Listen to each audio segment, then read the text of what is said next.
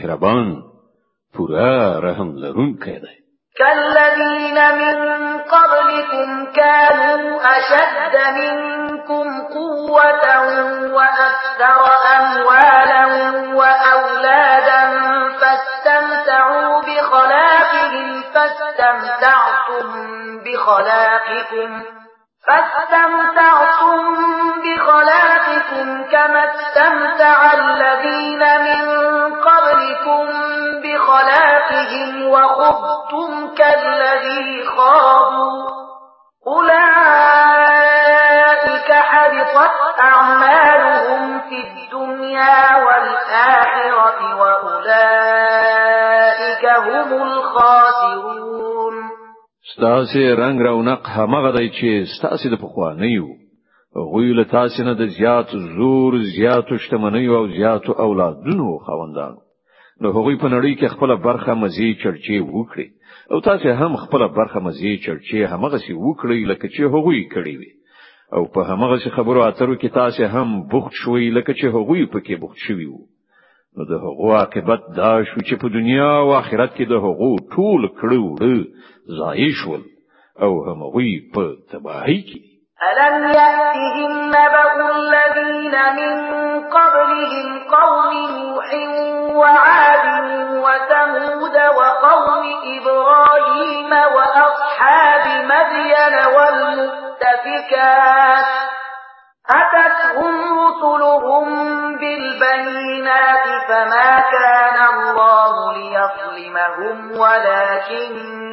كانوا أنفسهم يظلمون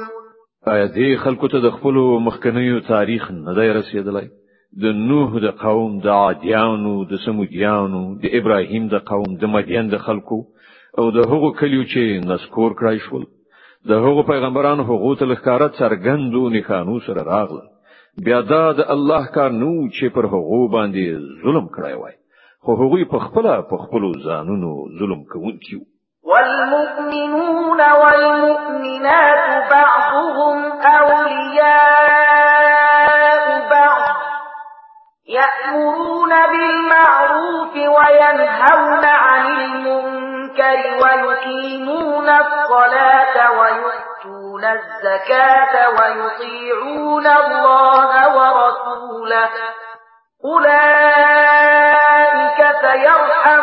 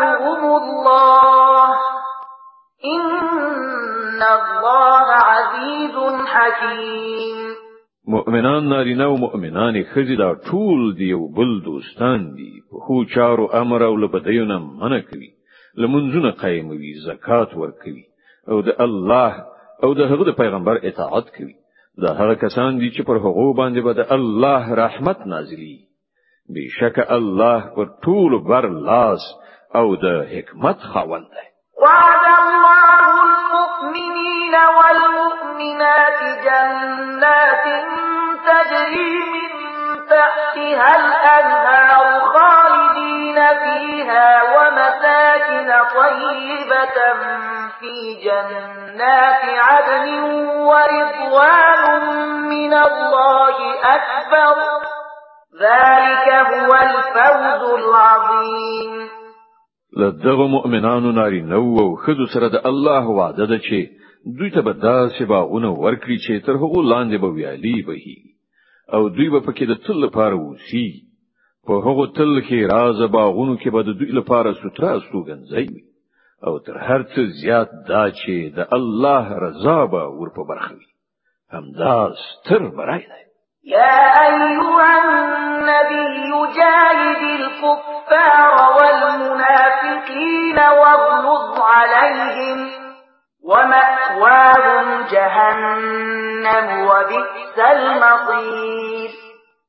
ای پیغمبره له کافرانو او منافقانو دواړو سره په پوره طاقت مقابله وکړه او له هغو سره ډیر سخت برخورد وکړه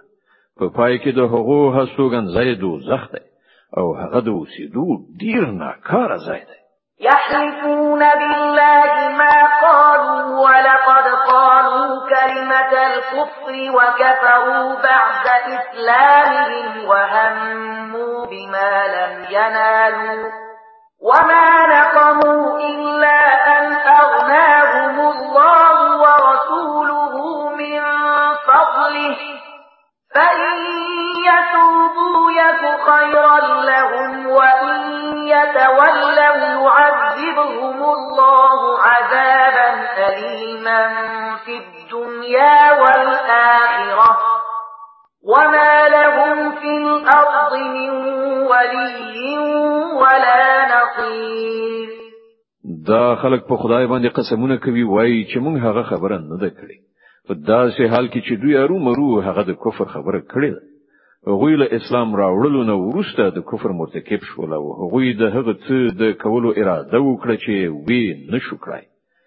د هغو دا ټوله غوسه په دې خبره ده چې الله او د هغه پیغمبر په خپل لورین سره هغوی شتمن کړي دي اوس که دوی له خپل دغه کړن چارې نه را وګرځي نو د همدوی لپاره خده او که دوی راونه ګرځي نو الله به دوی ته ډیره دردناکه سزا ورکړي هم په دنیا کې او هم په آخرت کې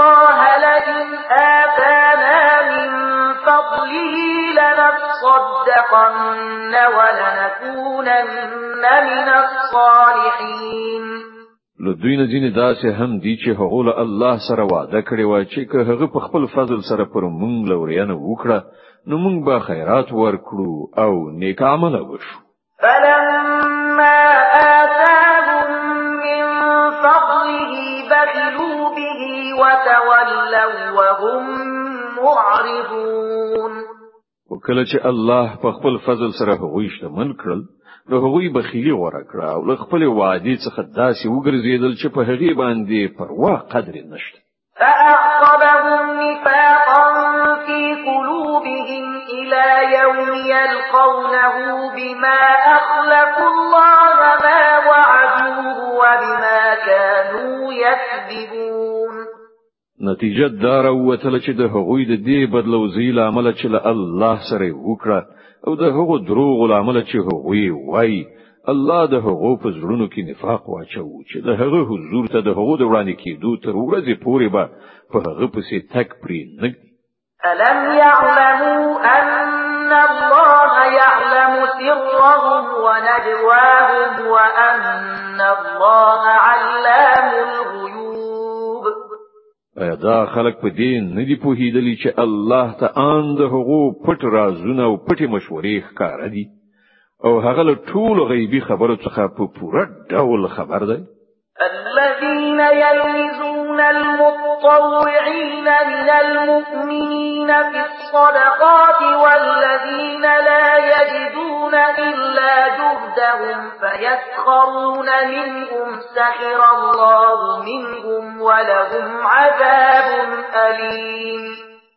هغه پیژني هغه بخیل شتمن چې د هغو مؤمنانو په مالی قربانیو باندې تفسیری کوي چې په خوخه او مینه یې لګوي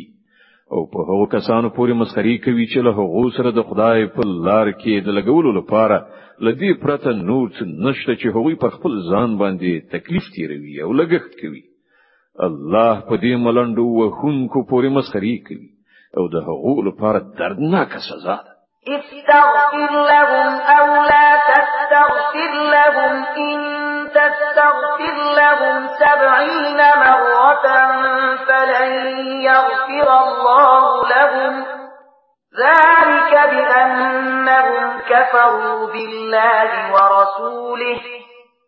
والله لا يهدي القوم الفاسقين ای پیغمبره کته د داسې خلکو لپاره بخنه وغواړي او کوي نه غواړي کته او یا زله هم د دوی د بخنې هیله وکړي نو الله به هغوی هیڅ کله ونه بي ځکه چې هغوی په الله او د هغه په پیغمبر باندې کافر شوی دي او الله فاسقانو ته درغیدو لار نه خي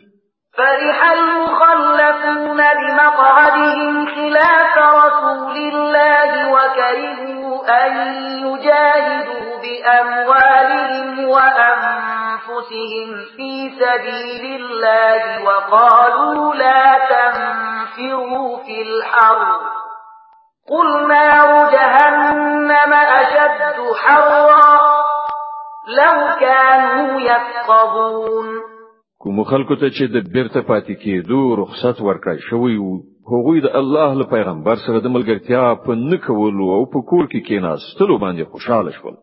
او دا یې خوښه نشو چې د الله په لار کې په سره او مال سره جهاد وکړي هغوی خلکو ته وویل چې په دې سخته ګرمۍ کې جهاد ته موځي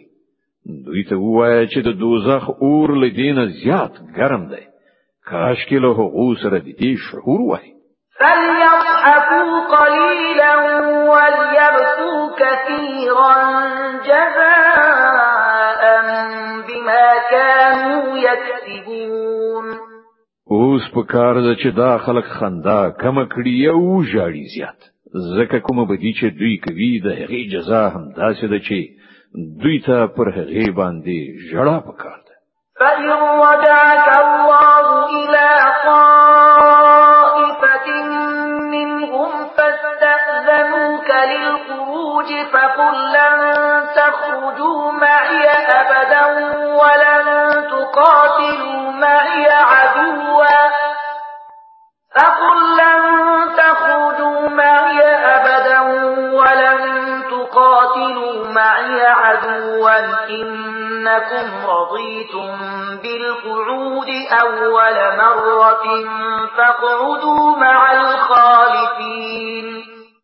که الله د هغو منځ ته تا بیرته راولي او پر راتلونکي وخت کې له هغو نه کومه ډله د جهاد لپاره له تا څخه د وتلو اجازه وغواړي نو په ډاګه ورته وایي چې اوس تاسو له ما سره هیڅ کله نشئ تلای او نه زما په ملګرتیا کې له کوم دښمن سره جنگیدای شي تاسو مخکې ناسته غوړه کړی نو اوس په کور ناستو کسانو سره کینی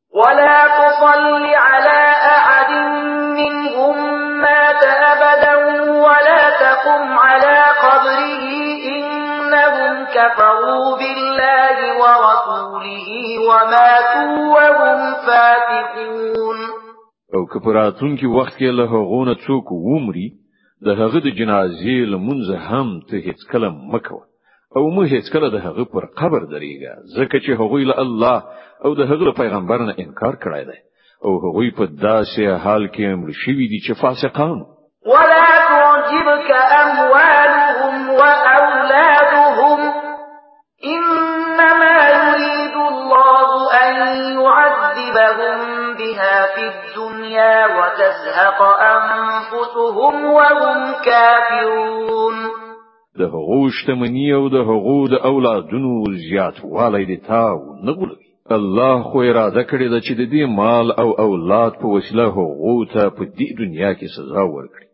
او د هغو ساګانې په داسې حال کې وباسي چې هغوی کافران دي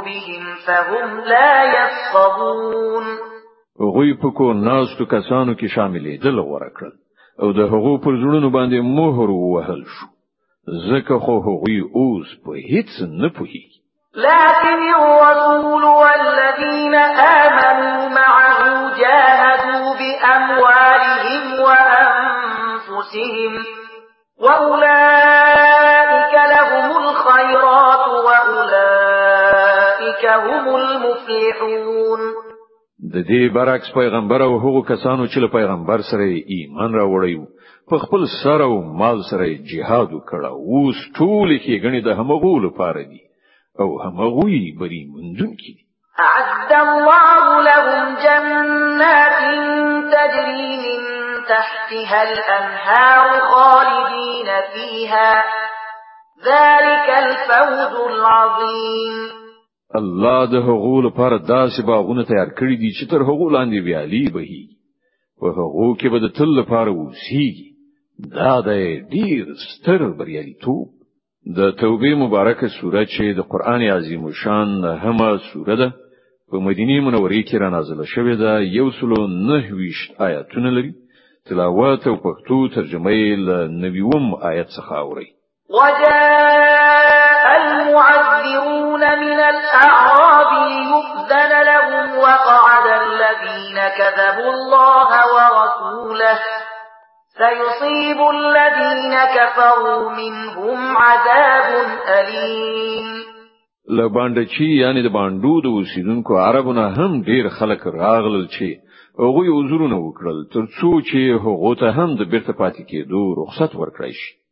په دې توګه هغه خلک چې هغوی له الله او د هغه پیغمبر سره د ایمان دروغ جنا وعده کړې و کېناستل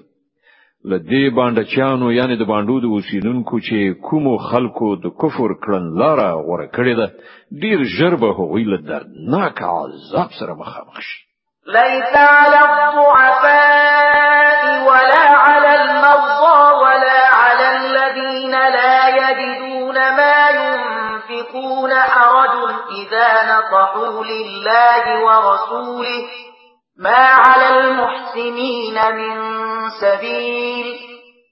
والله غفور رحیم په کمزور او ناروغانو او هغو کسانو چې د جهاد لپاره مال او وسله نه لري کومه ګناه نشته که دوی له وتلو نه پاتې شول که چیرې دوی د الله او د هغه د رسول په خاطر نورو ته نصیحت وکړي په نیکانو د اعتراض کومه لار نشته او الله بخونکی او مهربان دی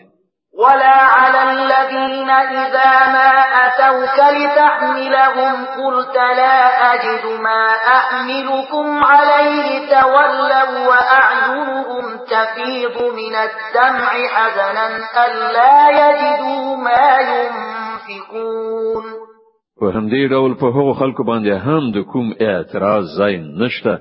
چې هغوی په خپل راغلي لتا څخه غوښتنه کړې و چې زموږ لپاره د سپرلۍ برابر کړی شي او کله چې تا وویل چې زه ستاسو لپاره سپرلۍ نشم برابرولای نو هغوی مجبور شول بیرته لاړل او حال دا و چې د هغو لسترګو اوخ کې بهیدلې او هغوی په دې خبره ډیر زوریدل چې هغوی په خپل مصرف سره په جهاد کې د ګډون کولو وس چار نه لري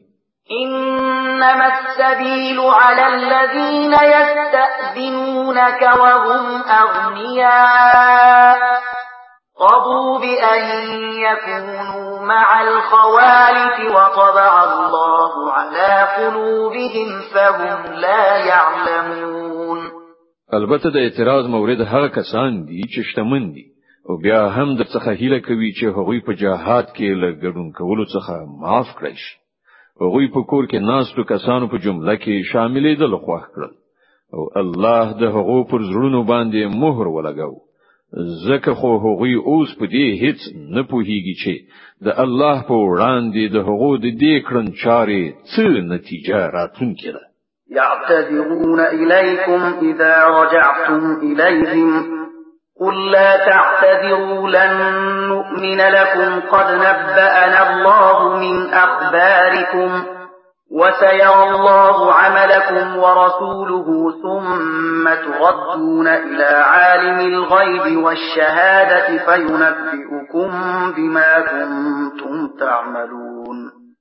کله چې تاسو پر استنی دو دوی ته را ورسیږي نو دوی به راز راز معذرتونه وړاندې کړي خو ته په ډنګ پیلی وای چې پلمی مکوي مونږ به تاسو په هیڅ یو خبره اعتبار نکړو الله تاسو حالات مونږ ته ښکار کړی دي اوس به الله او د هغه پیغمبر تاسو کړن چاره وګوري بیا به تاسو د هغه ذات لوري ته وروګرځول شي چې په پټو او ښکارا هر څه باندې پوهیدونکی دی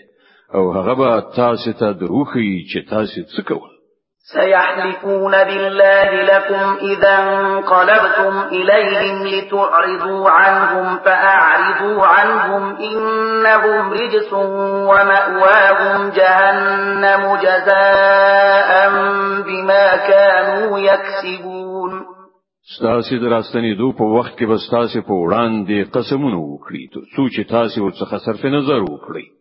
نو پر اختیار تاسو له دوی نه صرف نظر وکړي ځکه چې دوی ناولي دي او د دوی اصلي ځای دو زخ دی چې د دوی د ګټې په بدل کې به ورپبرخ شي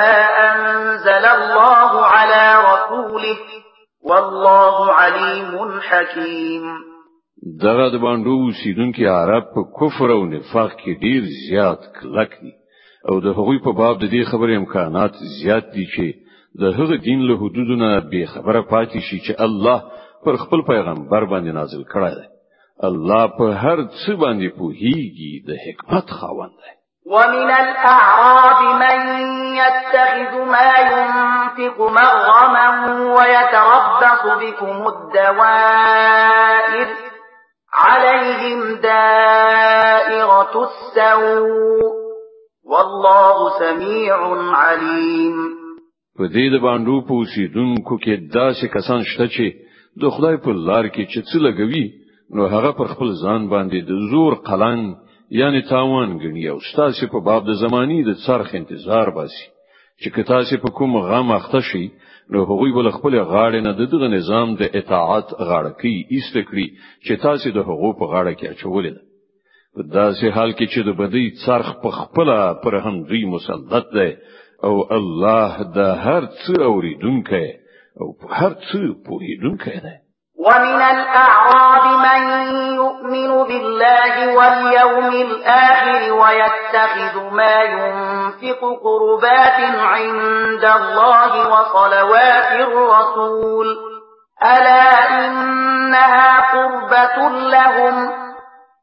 سيدخلهم الله في رحمته إن الله غفور رحيم او له هم دی باندې چانو یعنی د باندو د اوسیدونکو نه ځینې خلک داسې هم شته چې په الله او د آخرت پر ورځ ایمان لري او څه چې لګوي هغه الله ته د نږدې کېدو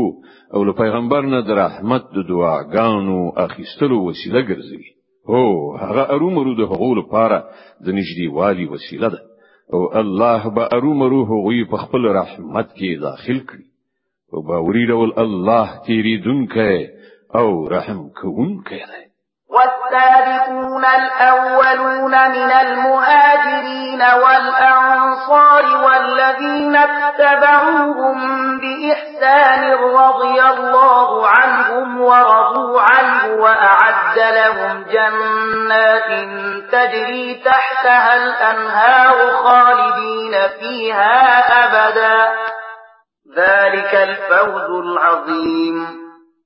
هغه مهاجرین او انصار چې هغوی تر ټولو د مخه د ایمان بلنې ته په لبیک ویلو کې وړاندې شول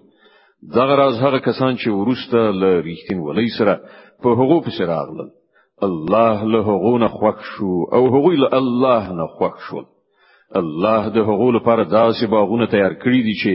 تر هغو لاندې به ویالي بهیږي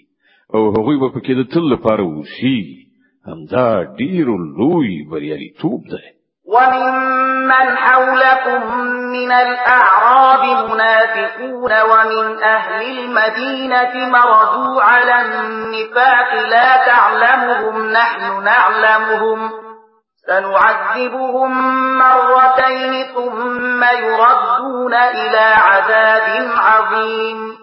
ستاسو شاوخوا چې کوم باندې چان یعنی د باندې اوسیدونکي اوسیږي له هغو نه زیاتره منافقان دي او په همدې توګه په خپل د مدینه په اوسیدونکو کې هم منافقان شته چې منافقت خوې ګرځیدلای دی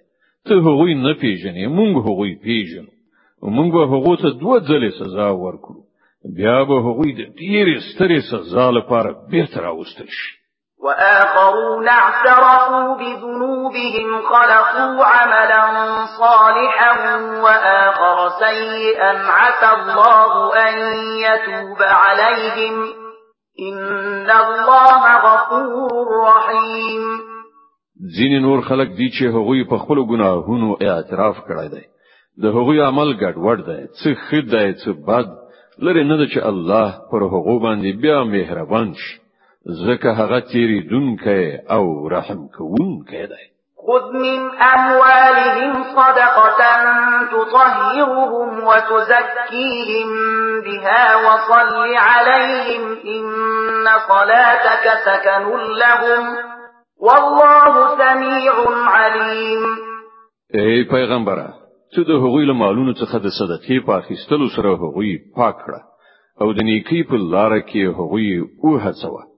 او د هغو په حق کې د رحمت دعا وکړه ځکه چې ستا دعا به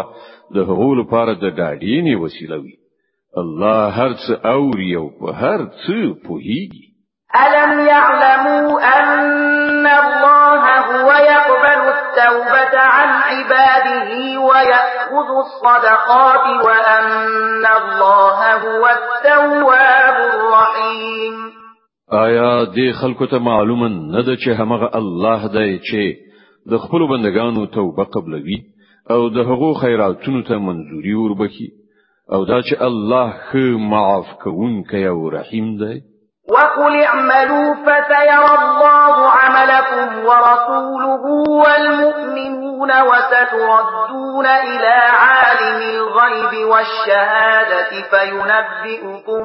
بما كنتم تعملون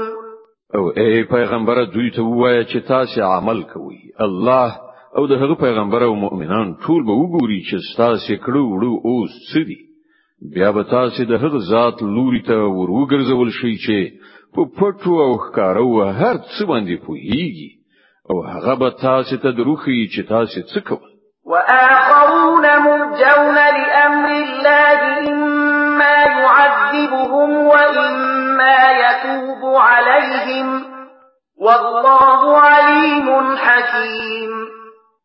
ځین نور خلک دي چې د هغو معاملې یعنی د هغو توبې مننه د الله په حکم تر اوسه پورې معطل ده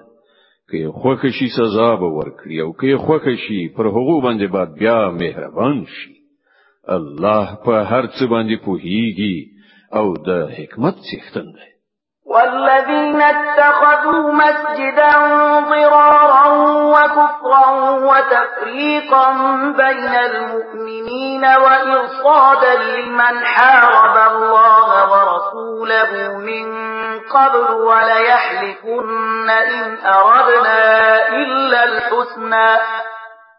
وليحلفن إن أردنا إلا الحسنى والله يشهد إنهم لكاذبون ځینې نور خلک دي چې هغوی په دې غرض یو مسجد ودان کړی چې د حق بلنې ته تاوان ورسوي او د خدای د بندګۍ کولو په ځای کفر غوړه کړي او په مؤمنانو کې تفریقه واچوي او دا په ظاهر عبادت ځای د هغه چا لپاره څارو ځای جوړ کړي چې د دین مخکې د خدای او د هغه د پیغمبر پر خلاف په جګړه لاس پورې کړی دی وی به ارومرو په قسم خړلو سره وایي چې مونږ خو لنیکی پرته د کوم بل شي اراده نه درلوده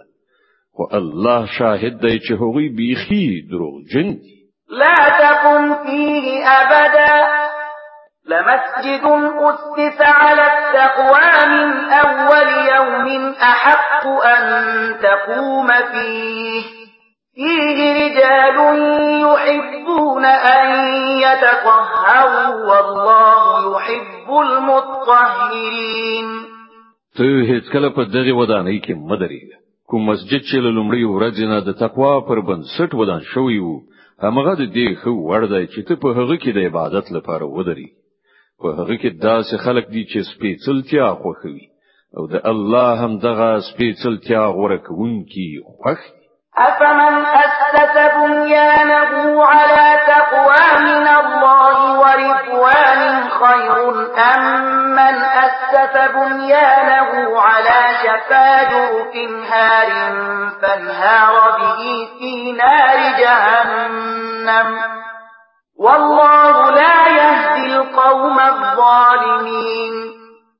نو ستاسو څه ګمان دی چې غوره انسان هغه دی چې هغه د خپل ودانی بنسټ د خدای په ویره او د هغه د رضا په غوښتنه یې خوي یا هغه چې خپل ودانی د یو کمر په کاوا کې لغم خړلې غاړه باندې درولي وي او له هغه سره نیغ په نیغه د دوزخ په اور کې وغورځي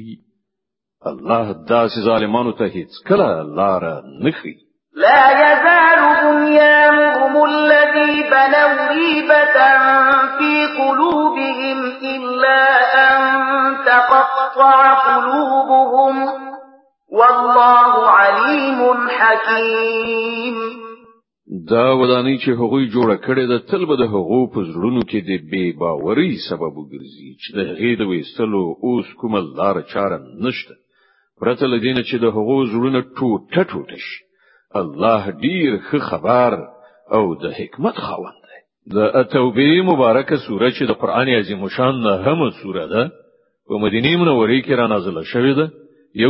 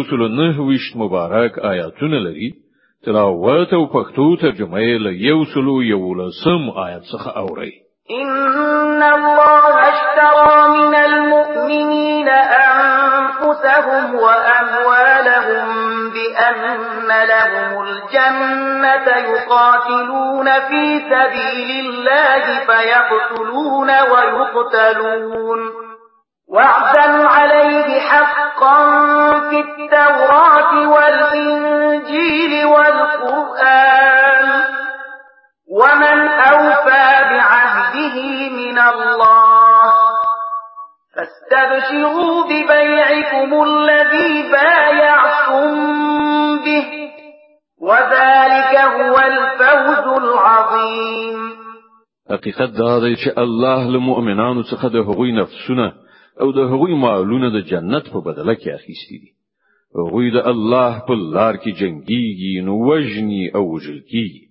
له هغو سره د جنت وعده د الله په ذمه باندې وکړه په خو وعده ده په تورات او په انجیل او قران کې او څوک دی چې له الله نه زیات د خپل وعده پوره کوونکی وي نو خوخو سي په خپل دغه سودا چې تاسو له خدای سره کړی ده همدا تر ټولو ستر بریالیتوب دی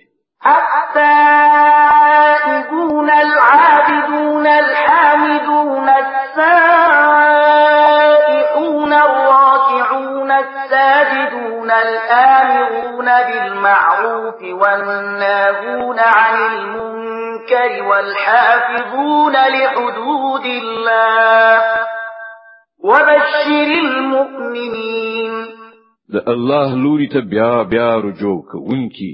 د هغه بندگی په ځای راوړونکی د هغه سنا ستاینه ویونکی د هغه په خاطر په ځمکه کې ګرځي دونکي را ګرځي دونکي د هغه په وړاندې رکوع او سجده کوونکي په نیکی حکم کوونکي لبدینا من کوونکي د الله د حدودو ساتونکي هغه مؤمنان هم دغه شان وي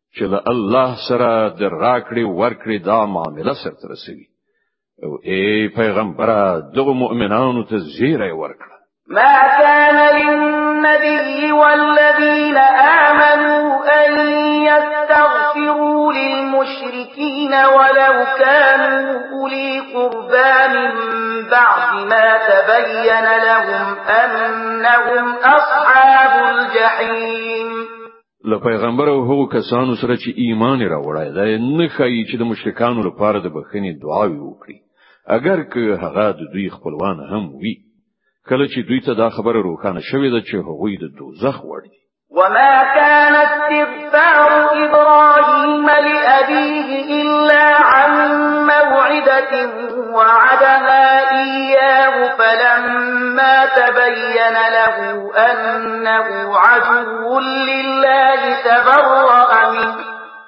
إن إبراهيم لأواه حليم ابراهيم چې د خپل پلار لپاره د بخنې کومه دعا کړې و هغه خو د هغې وعده له مخې و چې هغه له خپل پلار سره کړې و او کله چې هغه ته دا خبره روښانه شو چې د هغه پلار د خدای دښمن دی نو له هغه څخه بیزار شو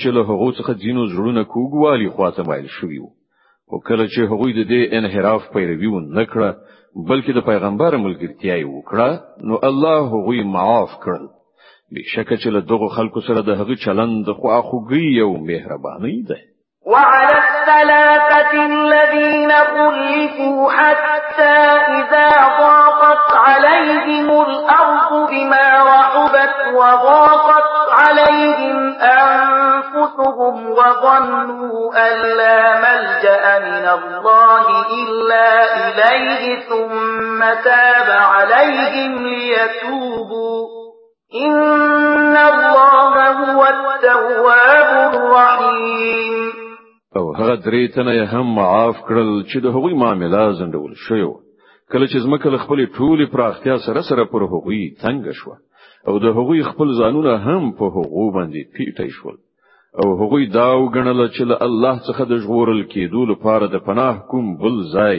په خپل د الله د رحمت له لمنې څخه پرته نشته نو الله په خپل مهرباني سره د هغو لوري ته رجوع وکړه ترڅو چې هغوی د هغه لوري ته راوګرځي په باوري ډول هغه خماف کوونکی او رحم کوونکی دی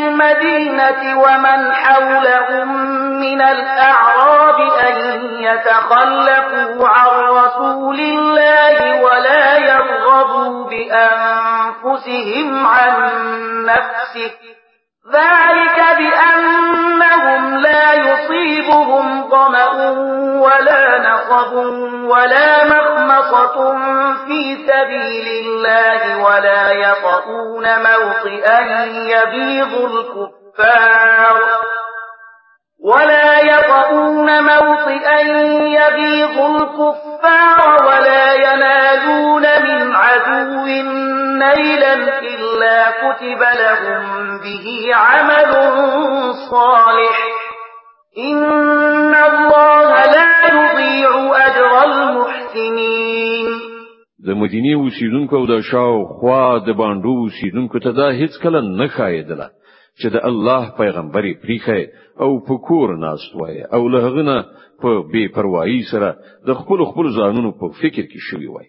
ځکه چې دا چې به هیڅ کله نیوي چې هغوی د الله په لار کې د لوګي تندې او بدني تکلیف څخه کړهو وګالي او د حق د منکرانو چې کومه لار بدی سی هغوی پرې کوم غم واخلي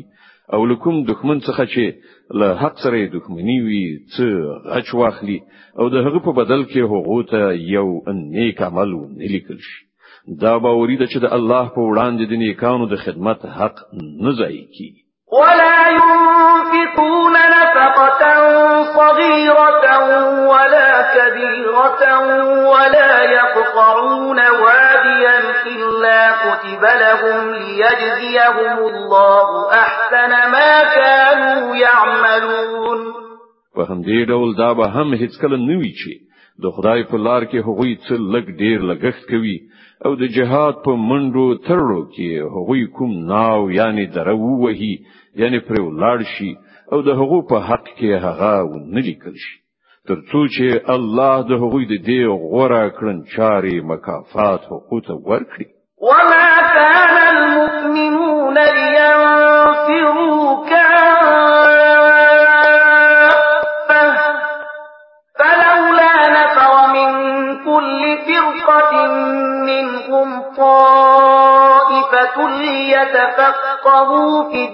الدين ولينذروا قومهم إذا رجعوا إليهم لعلهم يحذرون او دا څه ضروری نه و چې مؤمنان ټول لمخې وتلی وای او دا څه ولی ونه شو چې د هغوی د نفوس له هرې برخې نه یو څه کسان وتلی وای او د دینی پوهې له تحصیل نه ورسته بیرته راستانه شوی او د خپل سیمې اوسیدونکو خبردار کړی وای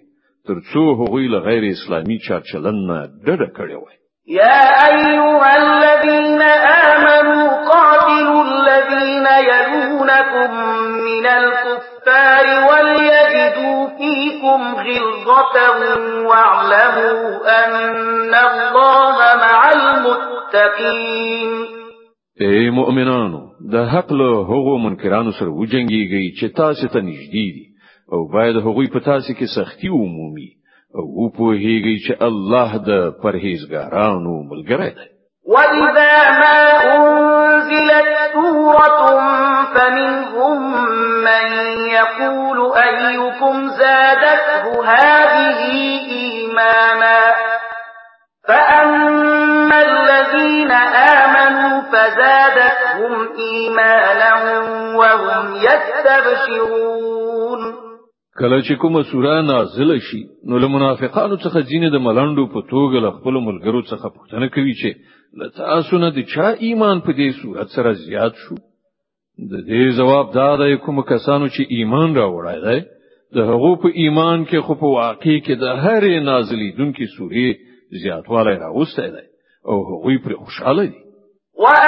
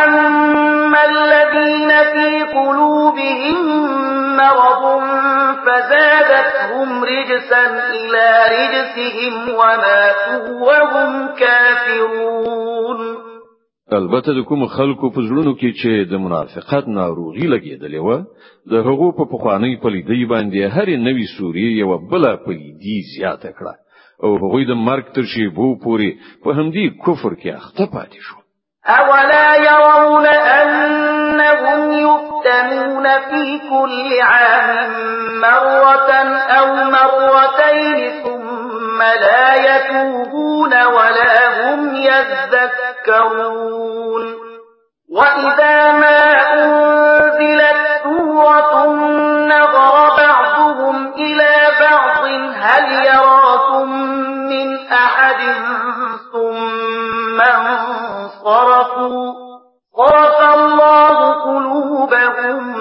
بأنهم قوم لا يفقهون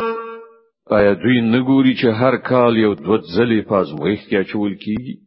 خو په دې سره سم هم نه توبه باسي او نه کوم درس اخلي کله چې کومه سوره نازلیږي نو دوی په سترګو سترګو کې یو له بل سره غږیږي چې چېرته څوک یعنی مسلمانان خو تاسو نه ویني بیا غلی ووزي تختی